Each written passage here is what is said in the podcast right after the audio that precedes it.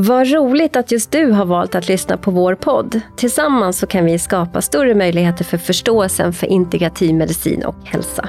Är du intresserad av det så bli gärna medlem i vår förening och en del av vårt nätverk. Mer information om det här kommer i slutet av avsnittet.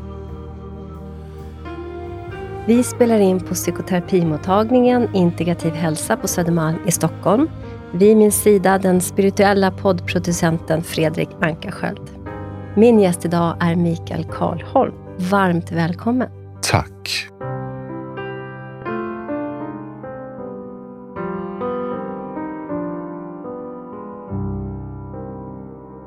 Mikael, du är bland de mest ödmjuka, vänligaste och modigaste människor bland oss. Du beskriver för mig när jag frågar att det har varit folk före dig och det kommer folk efter dig.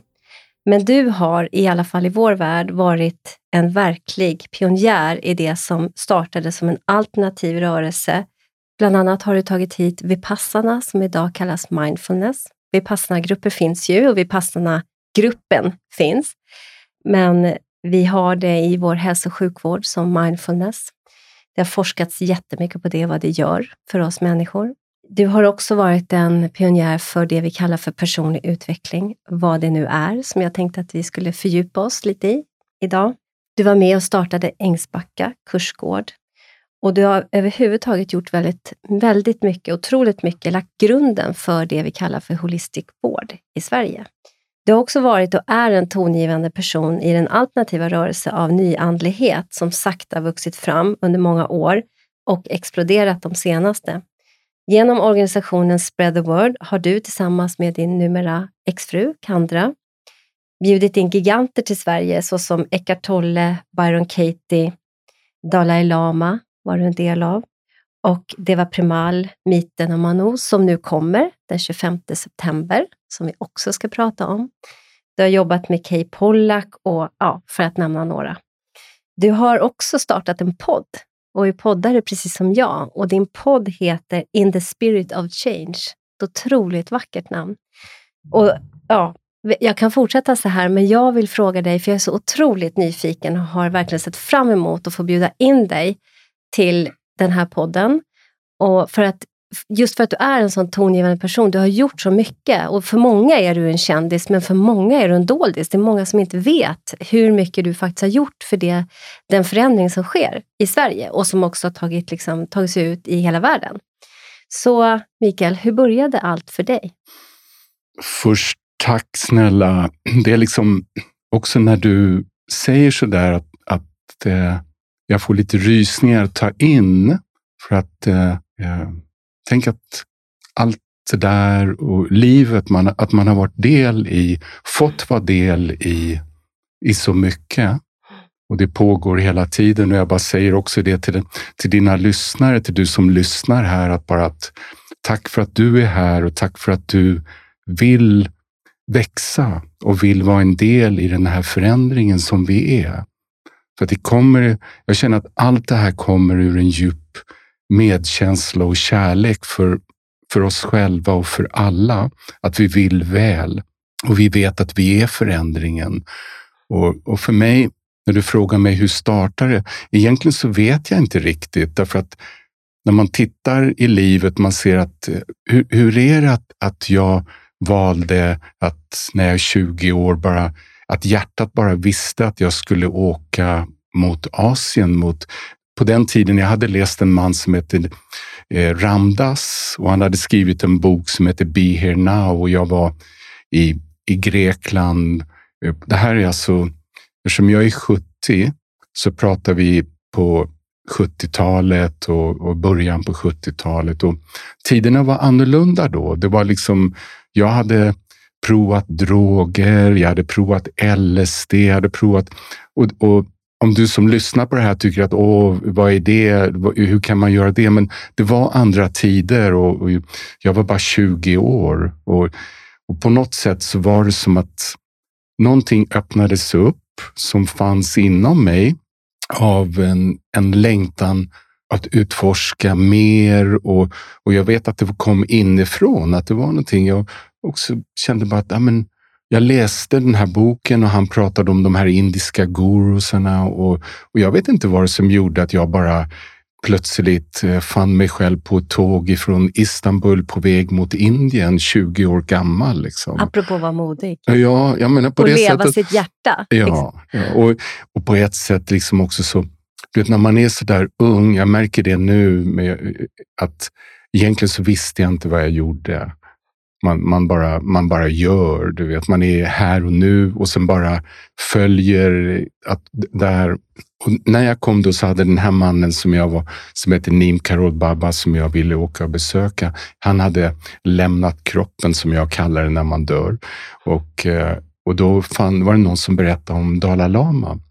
Och jag visste inte vem Dalai Lama var. Jag, jag visste väldigt lite. Jag hade ju läst självklart om Redan då hade man läst Hermann Hesse och de böcker som fanns. På den tiden fanns inte så jättemycket spirituella böcker. Det fanns absolut, men inte så. Nu är det ju, det är, allting är så annorlunda nu 50 år senare. Så att jag landade hos Dalai Lama och studerade. På den tiden kunde man studera med honom i biblioteket. Han bor i en by som heter Dharmsala eller MacLeod Ganj som ligger i, i norra i Indien och studerade där och eh, förstod egentligen inte riktigt vad det var, men det var någonting. Jag, jag drogs till att bara vara i den energin och sen skickade han mig till att studera i Nepal på ett, ett, ett kloster och eh, och där var all undervisning på tibetanska på den tiden. Och det var, så att det var mycket mer energin jag förstod men det skrämde mig otroligt mycket, det mötet när jag var där. För där man mediterar på döden, man mediterade på liksom att allting är förgängligt. Och, och jag var en ung kille som var mest intresserad av sex och drugs and rock'n'roll. Liksom. Man, när man är 20 år så landar man där. Och jag ville fly därifrån. Jag kommer ihåg att jag sprang ifrån det här klostret ner mot Kathmandu och kom ner och, och allt jag såg var den här förgängligheten. Jag såg allt lidande, jag såg människor, all den här smärtan. Någonting hade skiftat i mig. Jag vet För du inte. hade suttit med och mediterat ja, på döden och, Ja. och där skiftade någonting så att du plötsligt såg någonting annat. absolut. Ja. Och, så, så, och kom ner där. Och jag ville egentligen komma tillbaka till mitt gamla liv, men det hade skett någonting där som på något sätt hade gått, gått in i cellerna och någonting hade hänt. Och, jag, och hade jag varit i Sverige så hade jag, jag, jag ibland har jag tänkt på att jag måste, skulle nog ha landat på mentalsjukhus eller något sånt där. För att jag, jag kände mig helt inte i balans och helt lost. Liksom. Totalt. Ja. Jag menar, allt det där gamla som jag... Det, det var som att det fanns inte kvar och det var något annat. Och då kom jag i kontakt med Vipassarna faktiskt. Mm. Det var så, då var det någon som berättade att det var en man, en burmesisk man som hette Goenka som undervisade tio dagars kurser och, och eh, Bodh Gaya heter en stad i Indien som var där Buddha enligt traditionen blev upplyst under det här trädet. Så jag åkte dit och gjorde min första tio dagars retreat i Vipassana och det förändrade allting för då kom det ner i kroppen. Undervisningen var på engelska. Jag förstod vad det var som hände och, det, och någonting blev förankrat mycket, mycket djupare av, av det där. Va- vad var det som skrämde dig, tror du? Som skrämde mig. När, alltså det var att bara när jag tittade på världen så var det andra ögon och plötsligt så såg jag liksom hur mycket lidande det var i världen, vilket kaos det är. Och jag menar hur, jag vet inte riktigt hur man kan, men världen som vi lever i den här dimensionen, på samma gång som den är så otroligt vacker, så är det bara så mycket lidande här. Jag menar, det är så mycket smärta, psykiskt, fysiskt, emotionellt. Liksom. Och det, det bara är det och det är så många människor och djur och varelser som lider. Det, det, jag menar, om man inte ser det, då ser man inte verkligheten. Och, och, och sen självklart är det andra dimensioner också, där allting är perfekt och allting. Men, men jag såg den, det blev så tydligt för mig att oj, oj, oj, vilket lidande. Och jag, då hade jag inte balansen, så jag visste inte vad jag skulle göra med det där. Nej. Så du hamnade i en djup kris, kan man säga, eller hur? Ja. Som du sen kunde landa i, i Vipassana-gruppen. Ja. Där kunde du förankra dig. Där kunde det bli mer förankrat i mig, att jag kunde se att den här förgängligheten och allting som förändras, det, det händer i mig och det finns i den här kroppen, i sinnet, i tankarna och känslorna. Och det, blev så, det kom mycket närmare mig. Liksom, och, och, eh, och sen är ju det en utveckling, men, men det, drog, det är som att jag drogs in närmare mig själv. Liksom, och, ja. mm. och sen här är det 50 år senare och, och, det är ingen början och ingen slut på den här resan. Nej, det, det, är. Det, det är verkligen, ehm, det, det är bara nu hela tiden. Mm, så är det verkligen. Ja. Apropå Eckart Tolle som du har haft med Kandra här i Sverige. Men innan vi går dit så vill jag stanna lite här med döden, för det mm. tycker jag är ju, alltså, att umgås med döden. Just det du säger, att om vi inte ser döden, om vi inte är med döden, så kan vi inte heller se verkligheten eller faktiskt kanske inte ens leva fullt ut. Mm. För jag, jag, tänker att vi, när, vi har blivit, när man har tagit bort döden från vårt samhälle, från, från vårt liv, att vi dör på institutioner och vi ja, nu under pandemin så har människor fått lägga och dött helt ensamma, som kanske inte har velat. Vissa vill ju avlida själva också och då, det måste man få göra.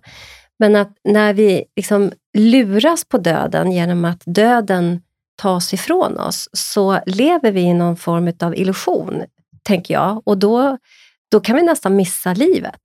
Så att jag har, jag har umgåtts mycket med döden och vi har haft filosofiska salonger och pratat om det och jag själv har liksom jobbat med ASIH och suttit vid många dödsbäddar.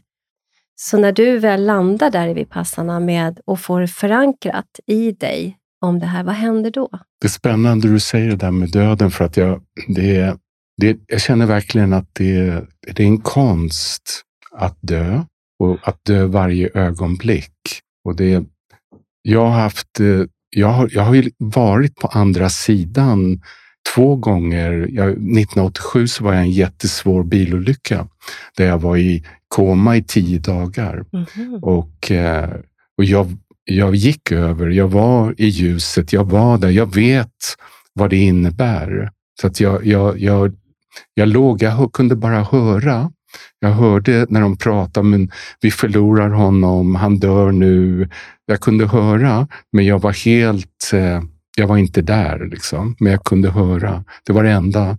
Och, eh, och det, det förändrade hela mitt liv. Det hände 1987. Mm. Vilken gåva! Ja, Vilken enorm gåva! Ja, och det blev liksom en förändring som på något sätt har varit permanent. Jag är inte rädd för döden. Jag är, att döden är Castaneda brukar alltid prata om att döden sitter på din högra axel och tittar på dig hela tiden. Och jag lever verkligen med det, att eh, var och en som än händer. Sen fastnar vi i livet, men det är någonting som, som vet att det här, det här är inte sant. Det här, det här är inte hela sanningen.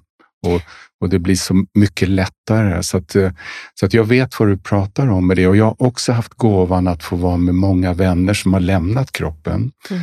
Och jag har också fått vara med mina tre barn som har fötts. Så det, för mig är det väldigt samma energi, att eh, det, när det föds och när vi dör, att det jag kan verkligen se att det är någonting som bara... Det, det är så himla fint det du ja. beskriver. För min Alltså jag hade en kris efter att jag hade jobbat med människors döende. Jag hade inte det där och då, jag såg det bara som en gåva. Och jag kände att jag var verkligen på rätt plats. Så jag jobbade ensam som sjuksköterska på natten med eh, en undersköterska och kände att det, var, det här var liksom det mest fantastiska att få vara delaktig av. Och, och, ett växande och få hjälpa en annan människa med... Det är liksom på natten också som de här tankarna inte längre kan hållas ifrån oss, vad det nu är vi brottas med eller funderar på inför vårt döende. Så, så för mig var det så, det kom, min kris kring döden kom när mina barn föddes, apropå det du säger. Mm. Att då få vara med om livsögonblick och att se det här och på något sätt behövde jag förhålla mig till det där. Men det, det är på något sätt man lever med... Jag läste Tisdagarna med Morris ganska tidigt också. Eh, är det idag jag ska dö? Det, det gör ju någonting med oss som människor. Alltså det gör ju att det blir en kvalitet och också värdering utav livet och varenda minut, nu ögonblick som vi har. Och att vara sann och inte ljuga och inte mm. nej men, eh, försöka vara så bra människa som möjligt. Sen misslyckas i alla fall jag hela tiden, men jag hämtar tillbaka mig för att liksom, det är en del utav livet. Mm att vi hamnar i våra kriser och så, så hämtar vi tillbaka oss och så växer vi ur det. Och så, så, ja, det här ongoing som är mm. det systemiska av liv och död på något sätt. Jag kommer lite tillbaka till där, där, du, där vi var, liksom när, att när vi passarna kom så kom på något sätt en kontakt just till det här döden men livet, liksom att, att allting förändras, att det finns ingenting och när man upplever det i sin kropp och man blir så varse det, att, att det här är bara och det, och det blir väldigt tomt, men det är någonting väldigt fyllt i den tomheten. Och det sker på så många nivåer. att Jag är här, jag sitter här med dig, vi pratar, du sitter där som lyssnar på det här. Och på samma gång är det något som bevittnas, som är medveten om det, som hör. Och, och sen händer det i någonting i ett stort space där ingenting händer egentligen. All, det, det, bara, det bara är och det har aldrig förändrats där. Så att det är hela tiden på så många, och förlåt om jag, det jag säger nu låter så låter konstigt, eller låter, men det, det är som att vi är på så många olika nivåer på samma gång. Och, och vi kan träna upp det där bevittnandet, det där som som är på något sätt i en djup, djup vila. Alltså det, det, och det är det jag älskar med det, den här resan som vi pratar om. att det, det, är ingen början, det är inget slut och det är hela tiden tillbaka i varje ögonblick. Och det finns en, vi är välkomna precis som vi är om och om igen. Spelar ingen roll vad vi har gjort, spelar ingen roll vad vi har sagt, spelar ingen roll vad vi inte har gjort och vad vi inte har sagt vi är alltid välkomna hem. Mm. Och, och, det är så underbart att vi är alltid förlåtna. Det finns liksom, och då gör att det, är, det, är en, det är väldigt sårbart, det är väldigt ömt och det är som det lilla barnet, när vi pratar om livet och döden, det här nyfödda barnet. Den, den energin som är, och den finns tillgänglig för oss hela tiden. Och, och, hur connectar vi med den? Och, och då har vi så många olika vägar, det som passar en själv. Jag känner att jag har sett så många olika vägar under de här. Och, så att jag har blivit så där att jag vet inte för någon annan. Jag vet inte, vi kan prata om vipassarna, men det fanns i mitt liv en del. Och sen gick jag vidare. Det servade mig ett tag. Och sen blev det att eh, så kom terapin in, att man känner att att jag kunde inte bara meditera bort saker och även saker som kom från min familj och som sitter i cellerna. Det är liksom att det räckte inte. Då kunde meditation till och med bli en flykt för mig. Att jag, det var ett sätt att undvika märkte jag. Och då blev det att jag, då ville jag öppna upp för terapin och, och titta på, på de sidorna, skuggsidorna, allting som jag hade förträngt och saker som jag hade fått ifrån alla familjer från båda sidor av mamma och pappa och tillbaka. Liksom, och som på något sätt finns i mig och är mitt jobb att frigöra så att jag kan frigöra dem. Att det är på något sätt som att hela tiden kommer jag tillbaka till min, för mig, men också för alla andra och sen för, för alla varelser. Och det älskade jag med Dalai Lamas teaching. Det har stannat kvar med mig att på något sätt så är vi här för inte bara oss själva, utan vi, vi, det är bara en vän här. Det är liksom, vi är bara en och sen är vi massa olika aspekter av den vännen. Och när du vaknar upp och när du blir lycklig, då är det en del av mig som blir det. Och det gäller alla varelser. Liksom. Så det är på något sätt så... Det jag älskar, mitt hjärta eh, svarade an på det. Och, det, och det, det, är inte så för alla andra, men för mig så blev det, har det varit ett, ett ljus eh, i, liksom i, i min väg. Att jag vet att jag, och jag älskar med schamaner när man pratar om sju, liksom sju generationer, både bakåt och framåt och liksom sådär. Att jag vet att det är så mycket mer än vad ögat kan möta.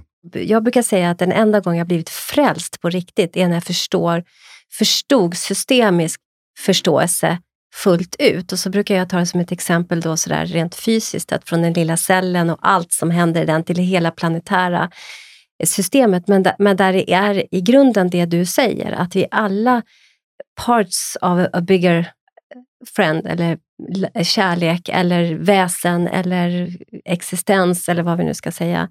Där, och det, idag så tror jag att människor är, apropå min ingress till när jag pratade om det här, att det har, det har varit en del av nyandligheten som har sakta, sakta vuxit fram under många år och sista åren exploderat. Så tänker jag att det vi precis har varit igenom med pandemin, där det är ett litet virus som smiter ut var det nu var någonstans mm.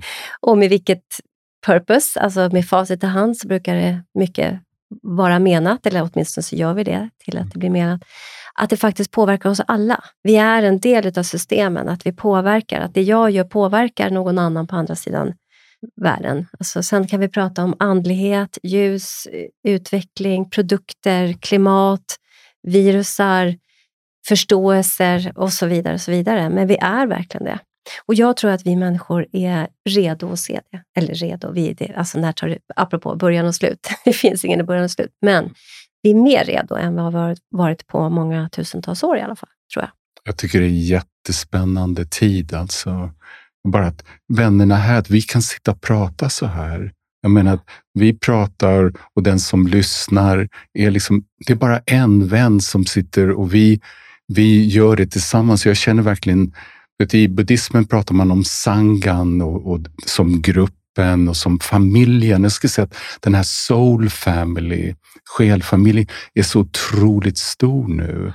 Jag blir berörd faktiskt. Jag får nästan tårar när jag tänker på det. För jag tänker på när jag kom tillbaka 50 år sedan hade varit och hade fått massa uppvaknande och fått så mycket. Och jag hade ingen att prata med. Vet, det fanns i princip inte en hälsokostaffär. Det fanns inga vegetariska restauranger. Jag hade blivit vegetarian och det fanns Arli Värland och hela den lite rörelsen som var. Men, och, så, och nu, som det är nu, att, och det är speciellt genom det feminina, för jag känner att den här, och det feminina i mig och, och det är liksom det är inte bara kroppen av kvinnans kropp, utan det feminina maskulina i oss båda. Shiva Shakti, att den där, det är det som händer nu. av Så mycket kommer upp till ytan, så mycket Alltså jag är väldigt sådär att framtiden är positiv. Ja, jag med. Ja, och, jag, det, men, och sen vet jag inte, men, men det är där jag kommer ifrån. Mm. Jag, jag, jag, bara känner att det är så jag lever mitt liv. Mm. Att jag, jag bara vet. Det, det handlar mycket mer om vad det där lilla jag vet än det stora, stora. För det, det, och alla de här stora förändringarna. Och det händer saker i periferin där ute och de är viktiga alltihopa, men det här är en inre revolution och det sker i var och ens hjärta. Det. Och det är liksom ett uppvaknande och jag känner att det är en frekvenshöjning. Att vi är på en helt annan frekvens nu. Vi, jag menar, var man än är så kan jag har alltid pratat på det här sättet som vi pratar nu. Jag har gjort det sen, jag, kom, jag har alltid gjort det. Jag vet inte, därför att jag tror det har att göra med frekvensen man är på än någonting annat. Och det känns som att nu möter man vänner. Det spelar ingen roll om det är i man kommer till en affär och det sitter någon i kassan eller var det än är, så är det man, man ser i ögonen liksom, att man, man tittar och det är ett igenkännande av att ja, men, det är bara att man vet. Mm. Och, och sen börjar man prata med folk. Och, och det, så jag tycker det är väldigt, väldigt vackert och, eh, och spännande. Mycket tacksamhet. Och självklart i, så är det kaos. Det som vi pratade om förut, som jag såg när jag kom ner till Katmandu och såg allt lidande och smärta. Och det, det finns en djup medkänsla. Vi, vi känner med alla varelser. Vi vet om att det är så mycket lidande. Vi vet nu med, som du säger med pandemin, allt som har varit för människor. Om du som lyssnar på det här liksom har varit i djup smärta. Jag, jag hade covid tre gånger och, var riktigt sjuk två gånger. Jag har haft en hjärtattack nyligen. Jag var genom skilsmässa. Innan det hade jag borrelia. Och, och jag kan inte säga till någon som är mitt i sitt lidande att Åh, det här, du vet, när du kommer igenom det här, då kommer det här vara för dig och bra. Det är så arrogant och det är sån bullshit liksom att göra det. Men jag kan säga till mig själv nu efteråt kan jag se att allting var för mig. Mm. Men det kan jag säga nu till mm. mig. Ja, jag Men jag kan, inte, jag kan inte säga det till någon annan Nej. som är mitt i. Där kan, känner jag bara att där kan jag bara hålla, ja. lyssna, vara närvarande från en, en känsla av att jag, jag, jag, har varit där. Jag vet var du är någonstans och, och eh, jag älskar dig som du är. Liksom, du får vara som du är. Det är som med våra barn. Jag blir tårögd när jag säger det för att liksom, jag vet med mina barn att eh, också med mitt eget lilla barn, när, när det är som jag berättade för dig nu, jag har precis idag sålt min lägenhet och i natt har jag haft sån ångest och svettats och det har varit som en död faktiskt. Det är en död. Ja. Det är en död utav ja. en fas i ditt liv där ja. det här har varit ditt hem. Ja, och släppa. Mm. Och så ändå så kände jag att det var så lätt. Att jag, och det var en seger nu efteråt när jag tittade när vi började prata. Det var några timmar och förra gången när jag sålde min lägenhet som jag hade, då var det flera månader av Alltså jag hade sån... Och vi har olika saker. Det kan vara en relation. Det kan vara jag menar, smärtan av att bli lämnad eller någon som dör. Eller det kan vara ett djur som lämnar oss som vi är nära. Det kan vara så mycket som triggar den där smärtan. Det kan vara det du beskrev, ett inre skifte där länge, ja. världen inte längre är så som vi såg den förut. Som är som en död och pånyttfödelse. Totalt. Mm. Och där att vi bara ser att det är en seger, att vi kommer igenom det och, och och någonting växer i det, att ljuset är som en crack. Jag kommer ihåg Lena Cohen, it's a crack in everything. Att ljuset kan komma in och sen när ljuset har kommit in så, så kan man inte släcka det. Det kan kännas så, men det är som att ljuset är där och, eh, och det bara växer och växer och växer. Så att, eh, ja, det... mm. Ja, verkligen. Så himla fint beskrivet. Mm. Eh, vad hände sen? Du kom till Sverige, du hade ingen att prata med, men där, är ju, där blir det ju ett skifte i Sverige som du är verkligen en del utav. Vad hände? Hur, hur blev det så? Hur kunde det här få fart? Liksom? Men det är på något sätt som att jag känner att när jag kom hem första gången, det har varit så i mitt liv. Jag kommer från en restaurangfamilj och min familj hade jätterestaurang, bjöd hit Edith Piaf, bjöd hit jätter. Min pappa var med och bjöd hit Frank Sinatra. Så jag kommer, wow. ifrån, mm. jag kommer ifrån en familj där jag är van med liksom att Den dörren var redan öppnad. serva andra. Mm. Och de bjöd in eh, massa sådana människor på något sätt. Och, och jag så jag kommer ifrån en familj där det var att om man har fått någonting så vill man ge det vidare. Och jag hade ju fått de här upplevelserna andligt, så för mig var det bara att jag ville dela med mig av det här. Det kom naturligt. Och jag tror också att det är en naturlig del av hjärtat, att när vår kopp är full, då vill vi och ibland så kan det bli miss. Du vet, man vill till sina barn, mm. till sin mamma och pappa, man vill ge någon bok. Man vill, jag, jag har gjort alla de där grejerna när man tror att man man vet sanningen och så ska man ösa på det på andra. Det, det, Ramdas sa alltid att om du vill se hur upplyst du är hem, så åk hem till mamma och pappa. Ja, precis. Du vet vad, det är bara att checka in. Ja. Då ser man var man är någonstans. En jätteduktig eh, ja. psykolog, psykoterapeut från Boston. Hon säger så här också på sina föreläsningar, att om du tror att du har kommit en bra bit med din psykologiska ut, alltså som psykoterapeut mm. eller du har gjort massa saker och så där, tänker att nu nu är jag liksom färdig. Då, tar du en, då åker du hem till din ursprungsfamilj och spenderar en vecka där. Sen vet så, du. Så är det. Jag älskar den. ja, den är fantastisk. Och den har man gjort och då, och då vet man att eh, och där var Byron Katie så bra för mig. Alltså när vi, vi hoppar lite här och hoppas det är okej, okay, men Katie var en sån gåva för att en sak man hade fått eh, massa upplevelser i meditationen, i terapin, men det, jag levde fortfarande väldigt mycket i projicering och trodde att, att det var utanför mig att det var folk som gjorde saker och situationer. Och jag var fortfarande ett offer och det är jag fortfarande ibland. Men, men på något sätt så var det som att Byron Katie hjälpte mig mycket. Jag träffade henne första gången för 25 år sedan. Det var samma som med Eckard, jag träffade dem på samma gång. Och, och det gjorde att någonting vändes hem, även med allting som jag hade projicerat utanför. Att plötsligt så kunde jag se att allting som jag håller på och dömer och fördömer och som separerar mig, det var en gåva till mig om jag kunde se det och använda det. Och, och då gav hon mig redskapet liksom med att, eh, hur jag skulle göra det och, och, och, ta hem så att jag kunde se att oj, det var en dörr in också. Allt som jag trodde med mamma och pappa och ex eller bli lämnad eller lurad eller eh, barn som inte plockar upp grejer. Du vet, you name it. Allt som gör att man bara känner sig att, ja, att det inte är roligt.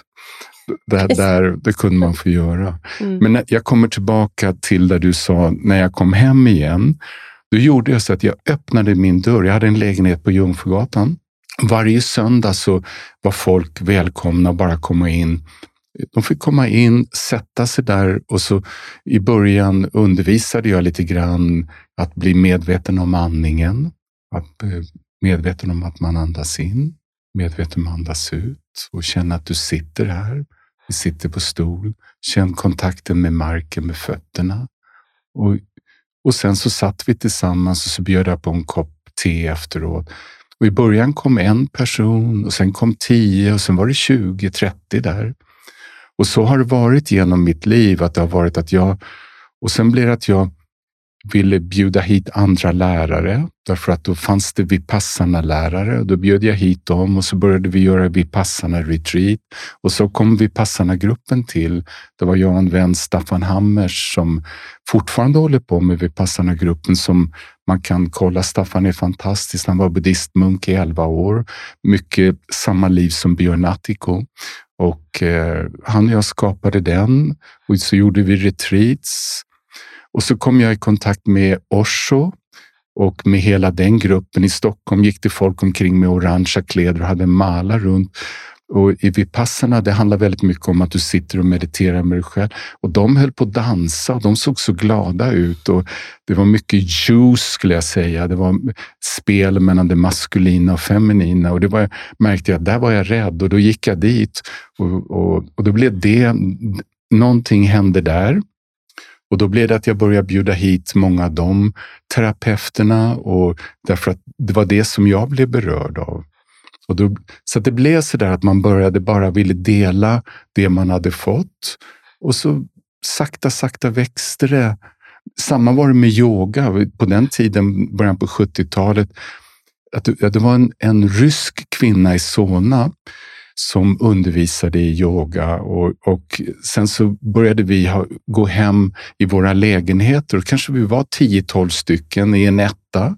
Någon till och med stod ute i köket och så gjorde vi lite asanas, höll på i två timmar och göra yoga. Så hade vi en linssoppa och, och det var på det sättet som yogan kom till också. Och idag är ju Yoga Yama, som nog är den största i Sverige, ligger ja. på Jungfrugatan. Ja, Och det var där uppe på Jungfrugatan, som, i de gamla tegelhusen, som allt det där hände. Som, som, och då möttes vi nere vid tehuset eh, där nere i Kungsträdgården. Och då var det en del människor som hade kommit hem från Indien och, och, och så lärde man känna människor. Och så växte den här gruppen eh, med, med vänner. Och, och det är spännande, till exempel om man tänker för mat och hälsa har varit så viktigt. Det, blir, det är ju en del, alla de här delarna går ju ihop. Det blir ju så.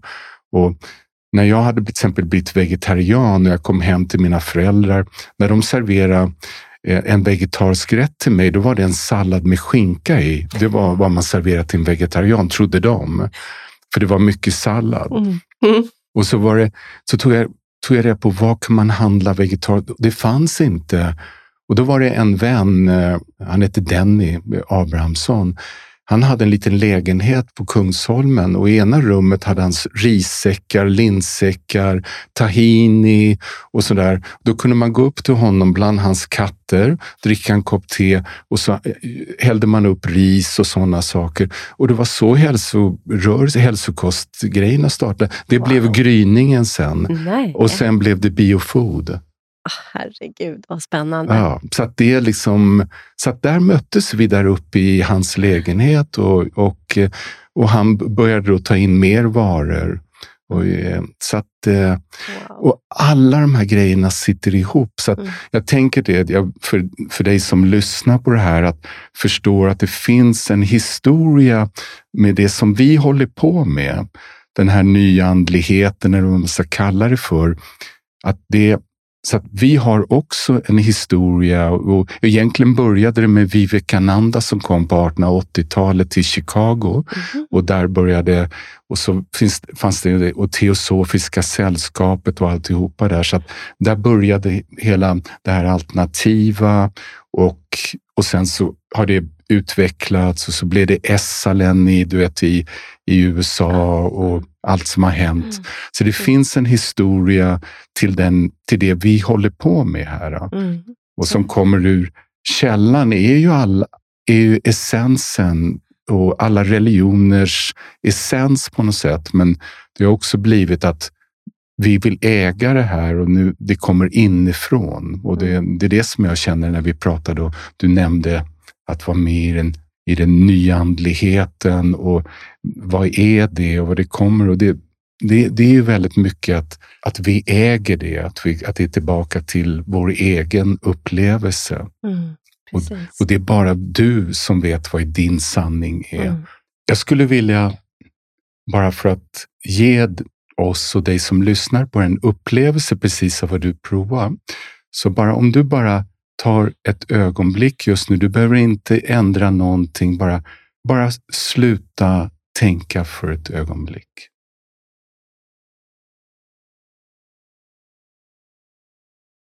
Där är dörren och träningen är att om och om igen, bara ett kort ögonblick, sluta tänka. Och vi är så vana i vår värld och det är jättevackert att vi kan tänka men vi har inte lärt oss att vara i kontakt med det som tankarna händer i.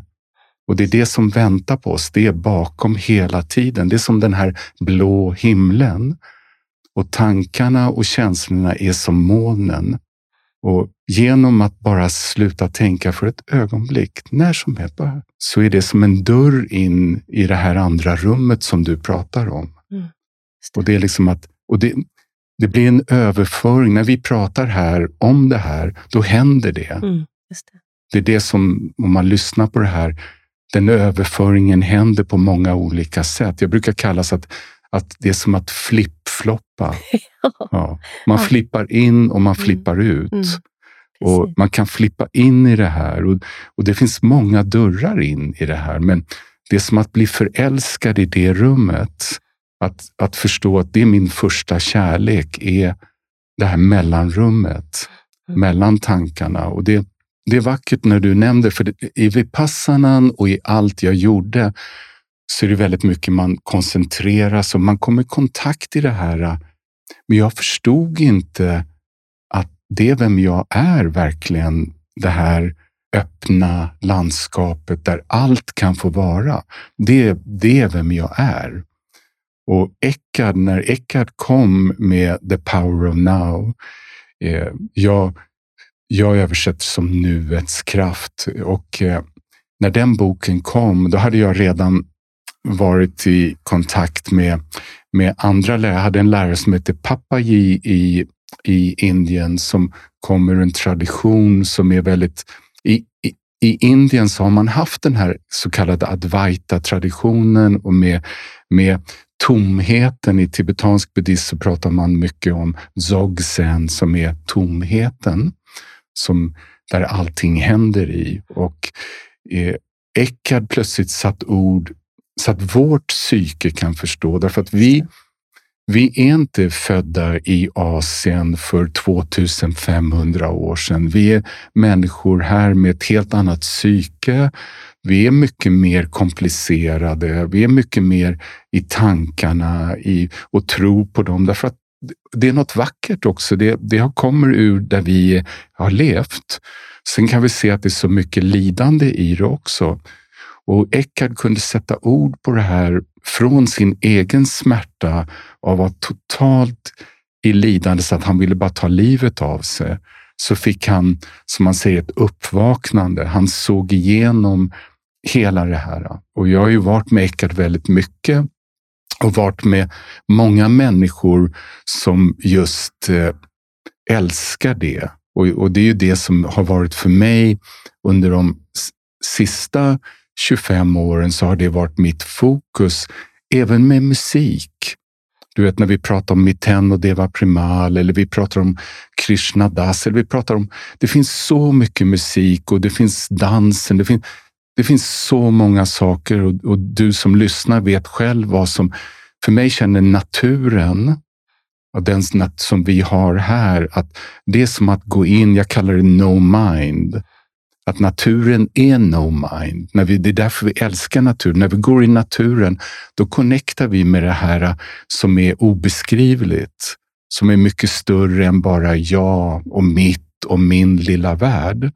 Utan det är någonting, det är som en dörr också in. Att få kontakt med, med Moder Jord. Och, och det är därför vi vet också att det är så viktigt att vi måste ta hand om naturen, därför att det är vad vi är. Utan den så förlorar vi kontakten med no mind, det här som vi får kontakt med när vi slutar tänka. Precis.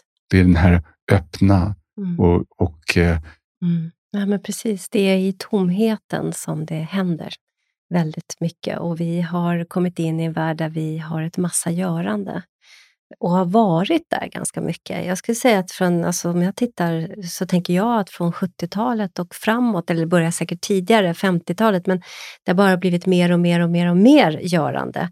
Och nu så har vågskålen liksom runnit över, så att nu börjar människor vilja gå till andra hållet istället. Att gå tillbaka till tomheten, där då du beskriver det här helt fantastiskt. Jag blir helt trollbunden av det du säger, men mm. meditationens kraft, naturens kraft, stillhetens kraft.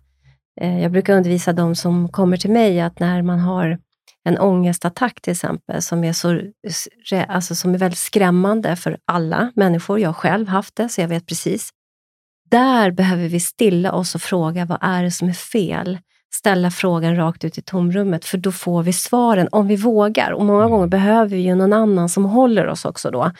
Där, som vi känner att men, han, hen, hon kommer fånga mig, kommer hålla mig. Jag vågar ställa den här frågan. Mm. Och då får vi svar. Mm. Då får vi svar. För att eh, när vi drivs in i ångest, drivs in i rädslor, då har vi liksom inte varit med oss själva, ställt frågorna till oss själva eller till tomheten för att få veta vad det är för någonting, utan vi är i ett görande hela tiden. Mm. Vi lyssnar inte på det som viskas till oss för att vi ska kryssa oss rätt i livet. Mm. Så. Mm. Ja, men jag, jag hör dig med ångesten och den som lyssnar här. Jag menar, jag har fått ångestattacker. Det var inte länge sedan. Jag kommer ihåg, jag ringde till Fredrik. Jag ringde och bara och jag legat där i sängen och bara inte vetat vad jag skulle göra och varit så att, att eh, jag känner bara att jag, jag förstår det och det, det har skapat sån medkänsla också, både med mig själv och förstå hur sårbar jag är och hur andra, andra kan vara det. Men det, det som är underbart nu är att vi kan prata om det och att vi inte är ensamma och att det finns eh, vänner och ibland behöver man mediciner och då behöver man det. Det är liksom att allting är för oss. Att det inte, det finns, man behöver inte ens göra någonting och, och eh, så jag känner till exempel med mig själv, jag känner inte att jag har uppnått något tillstånd där jag är fri från eh, ångest eller fri från någonting. Ibland så jag, jag känner fortfarande att jag flippar in och flippar ut. Men jag vet att det finns någonting annat. Jag vet att, att att det finns en dörr in i ett annat rum. Och, och det, så det finns en, det är någonting, en vila i någonting. Och sen vet jag också att jag känner att vi är så känsliga nu, många. Jag ser det på mina barn, på barnen som kommer. att Jag vet ibland inte vad som är mitt eget eller vad som är andras. Och det måste vi också ta hand om nu med, med varandra. Att det är liksom att man sätter sig och umgås med vänner som kan stötta en. Vi behöver goda vänner. Vi behöver miljöer. Vi behöver stödja varandra för att det är, det är tuffa tider och det är liksom verkligen, det är inte lätt att vara öppen och valt den här vägen. Jag känner ibland att jag har skrivit på ett kontrakt och ibland känner jag att jag ångrar mig. Liksom. Men det finns ingen väg tillbaka. Nej. Att vi har skrivit på ett kontrakt i det här där allting är perfekt. Att vi vet att vi är här för varandra och att vi, att vi går varandra hem. Vi gör det. Vi liksom det. Och en del går före, en del går lite längre efter. Men vi håller händerna med varandra och vi, vi stöttar varandra. Liksom. Och sen är det som att man kommer till en kant och så hoppar man. Eller så blir man någon som sparkar en. Ja, och eh, precis. du vet sådär. Va? Ja. Ja, men jag tycker det är så fantastiskt. Du sa någonstans i vårt samtal tidigare att då blev jag rädd för det. Ja, men det mm. var eh, munkarna i orangea kläder och mandala. Mm. Som, då, då var du rädd för det, det manliga och det kvinnliga. Och då gick du dit. Mm.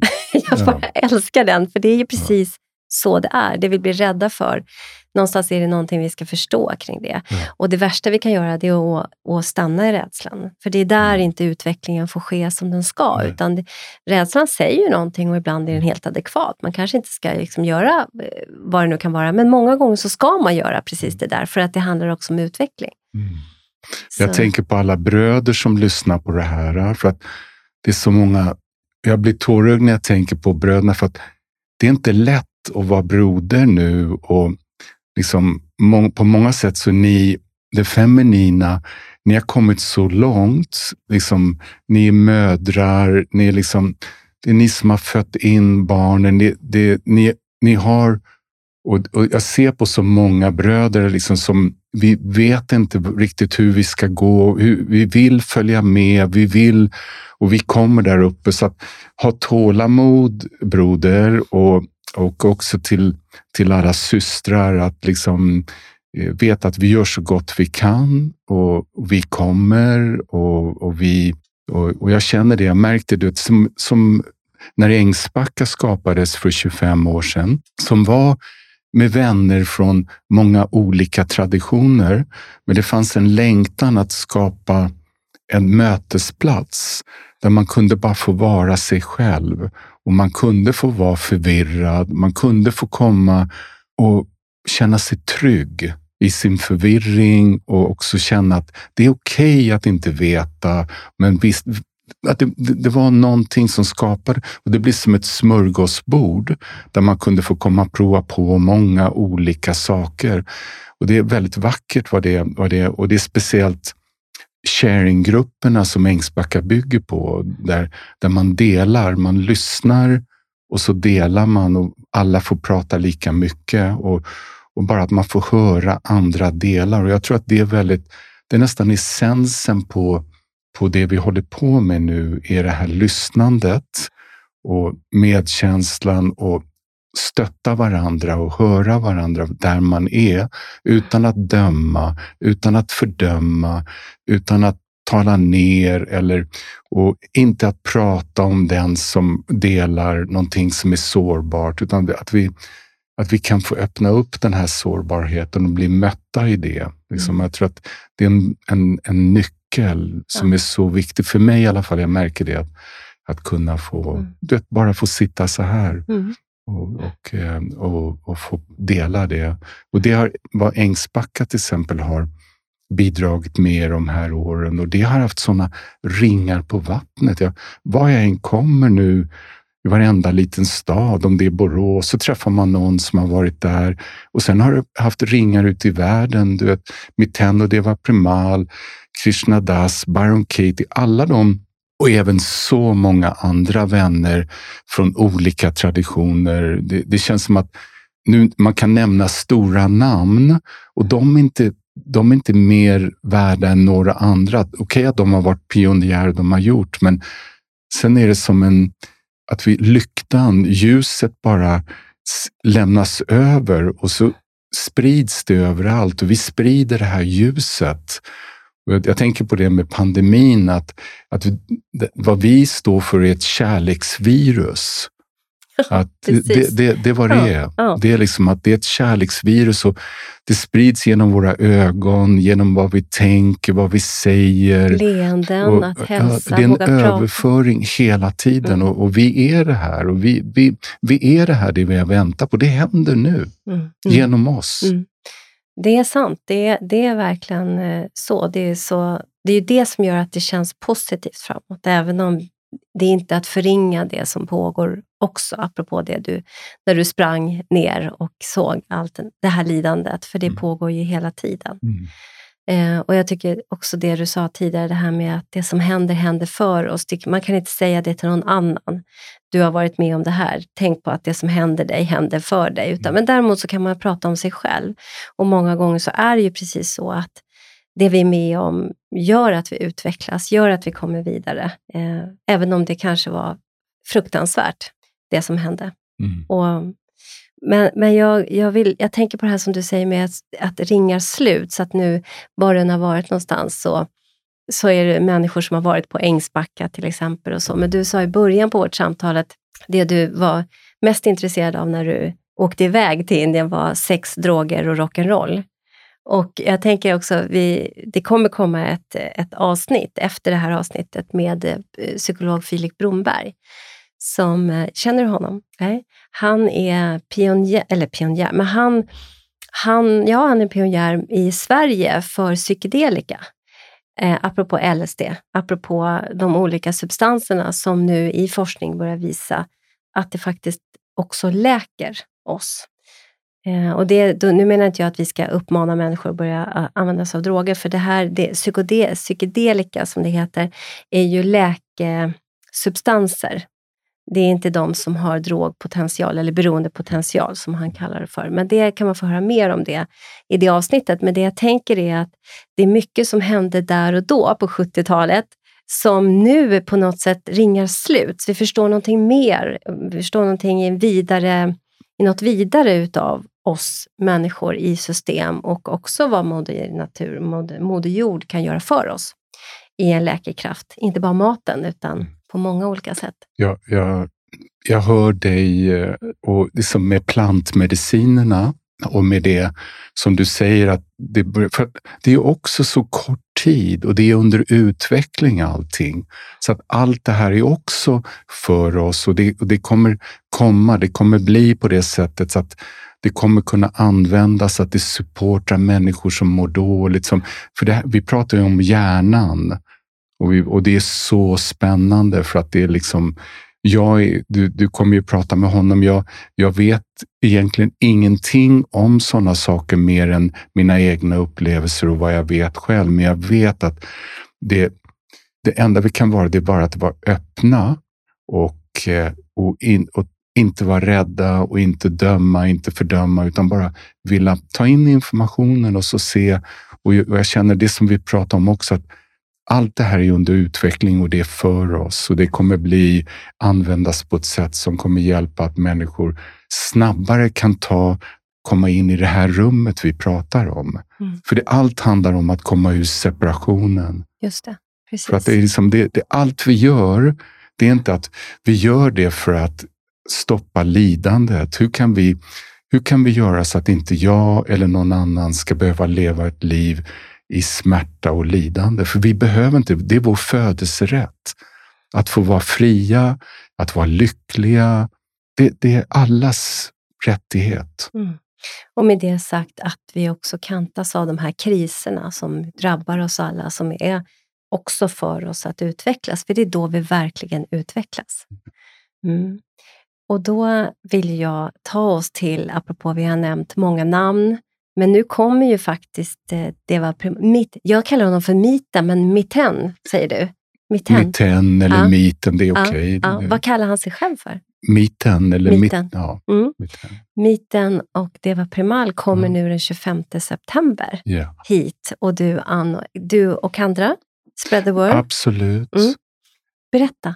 Ja, men det, det är 30 år nu och första gången var vi hemma i lägenheten på Riddargatan, du vet, med, och också nere på Madour som var ett årscenter i Stockholm. Så där.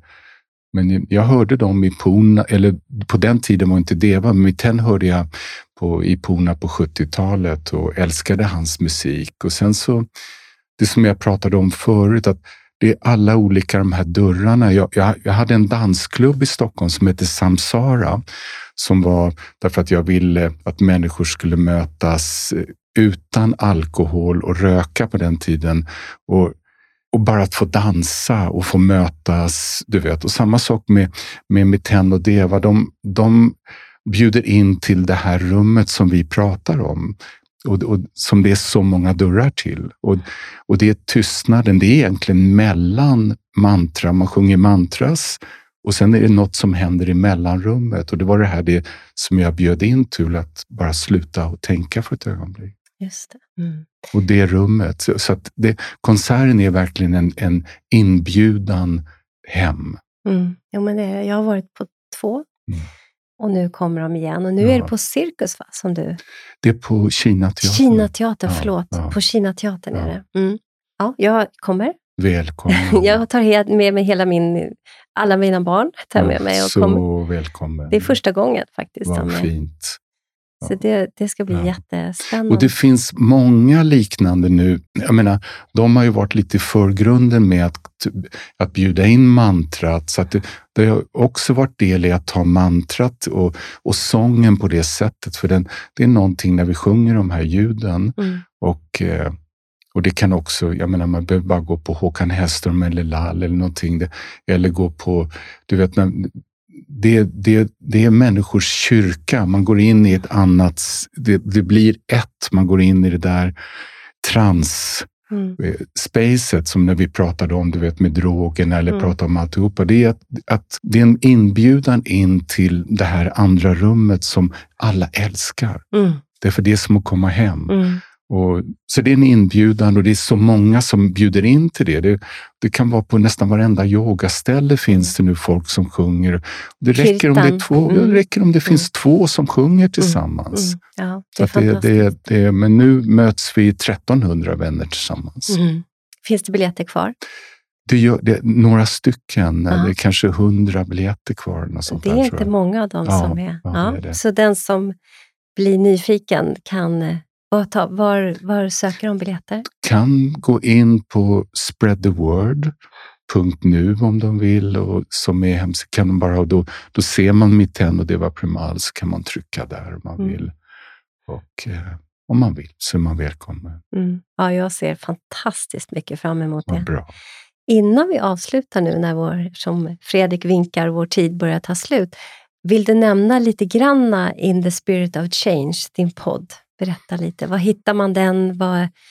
Den finns nog på de flesta och jag, jag kan säga det, jag har inte gjort så många avsnitt därför att Fredrik som sitter här, vi började och sen åkte jag på covid och allt det här så att i, i princip i tre år så har det nästan legat nere. Men vi har börjat släppa ut några. Jag har med Byron Katie och jag har ett med Mitten som kommer och Thomas Frankell. Och, och det, det ligger några stycken där, men förhoppningsvis så ska det komma ut flera. Men, men eh, det här Det- kanske jag- blir en skjuts, en gest att det är dags att den tack, får lite mer vingar. tack. Mm. Och, eh, och stort tack till alla som, som lyssnar och tack för, till dig för vad du gör. Vad Tack du, till dig, Ja. Mikael. Och stort, stort varmt tack för att du ville ge mig, oss, den, din tid och komma hit och gästa den här podden. mm,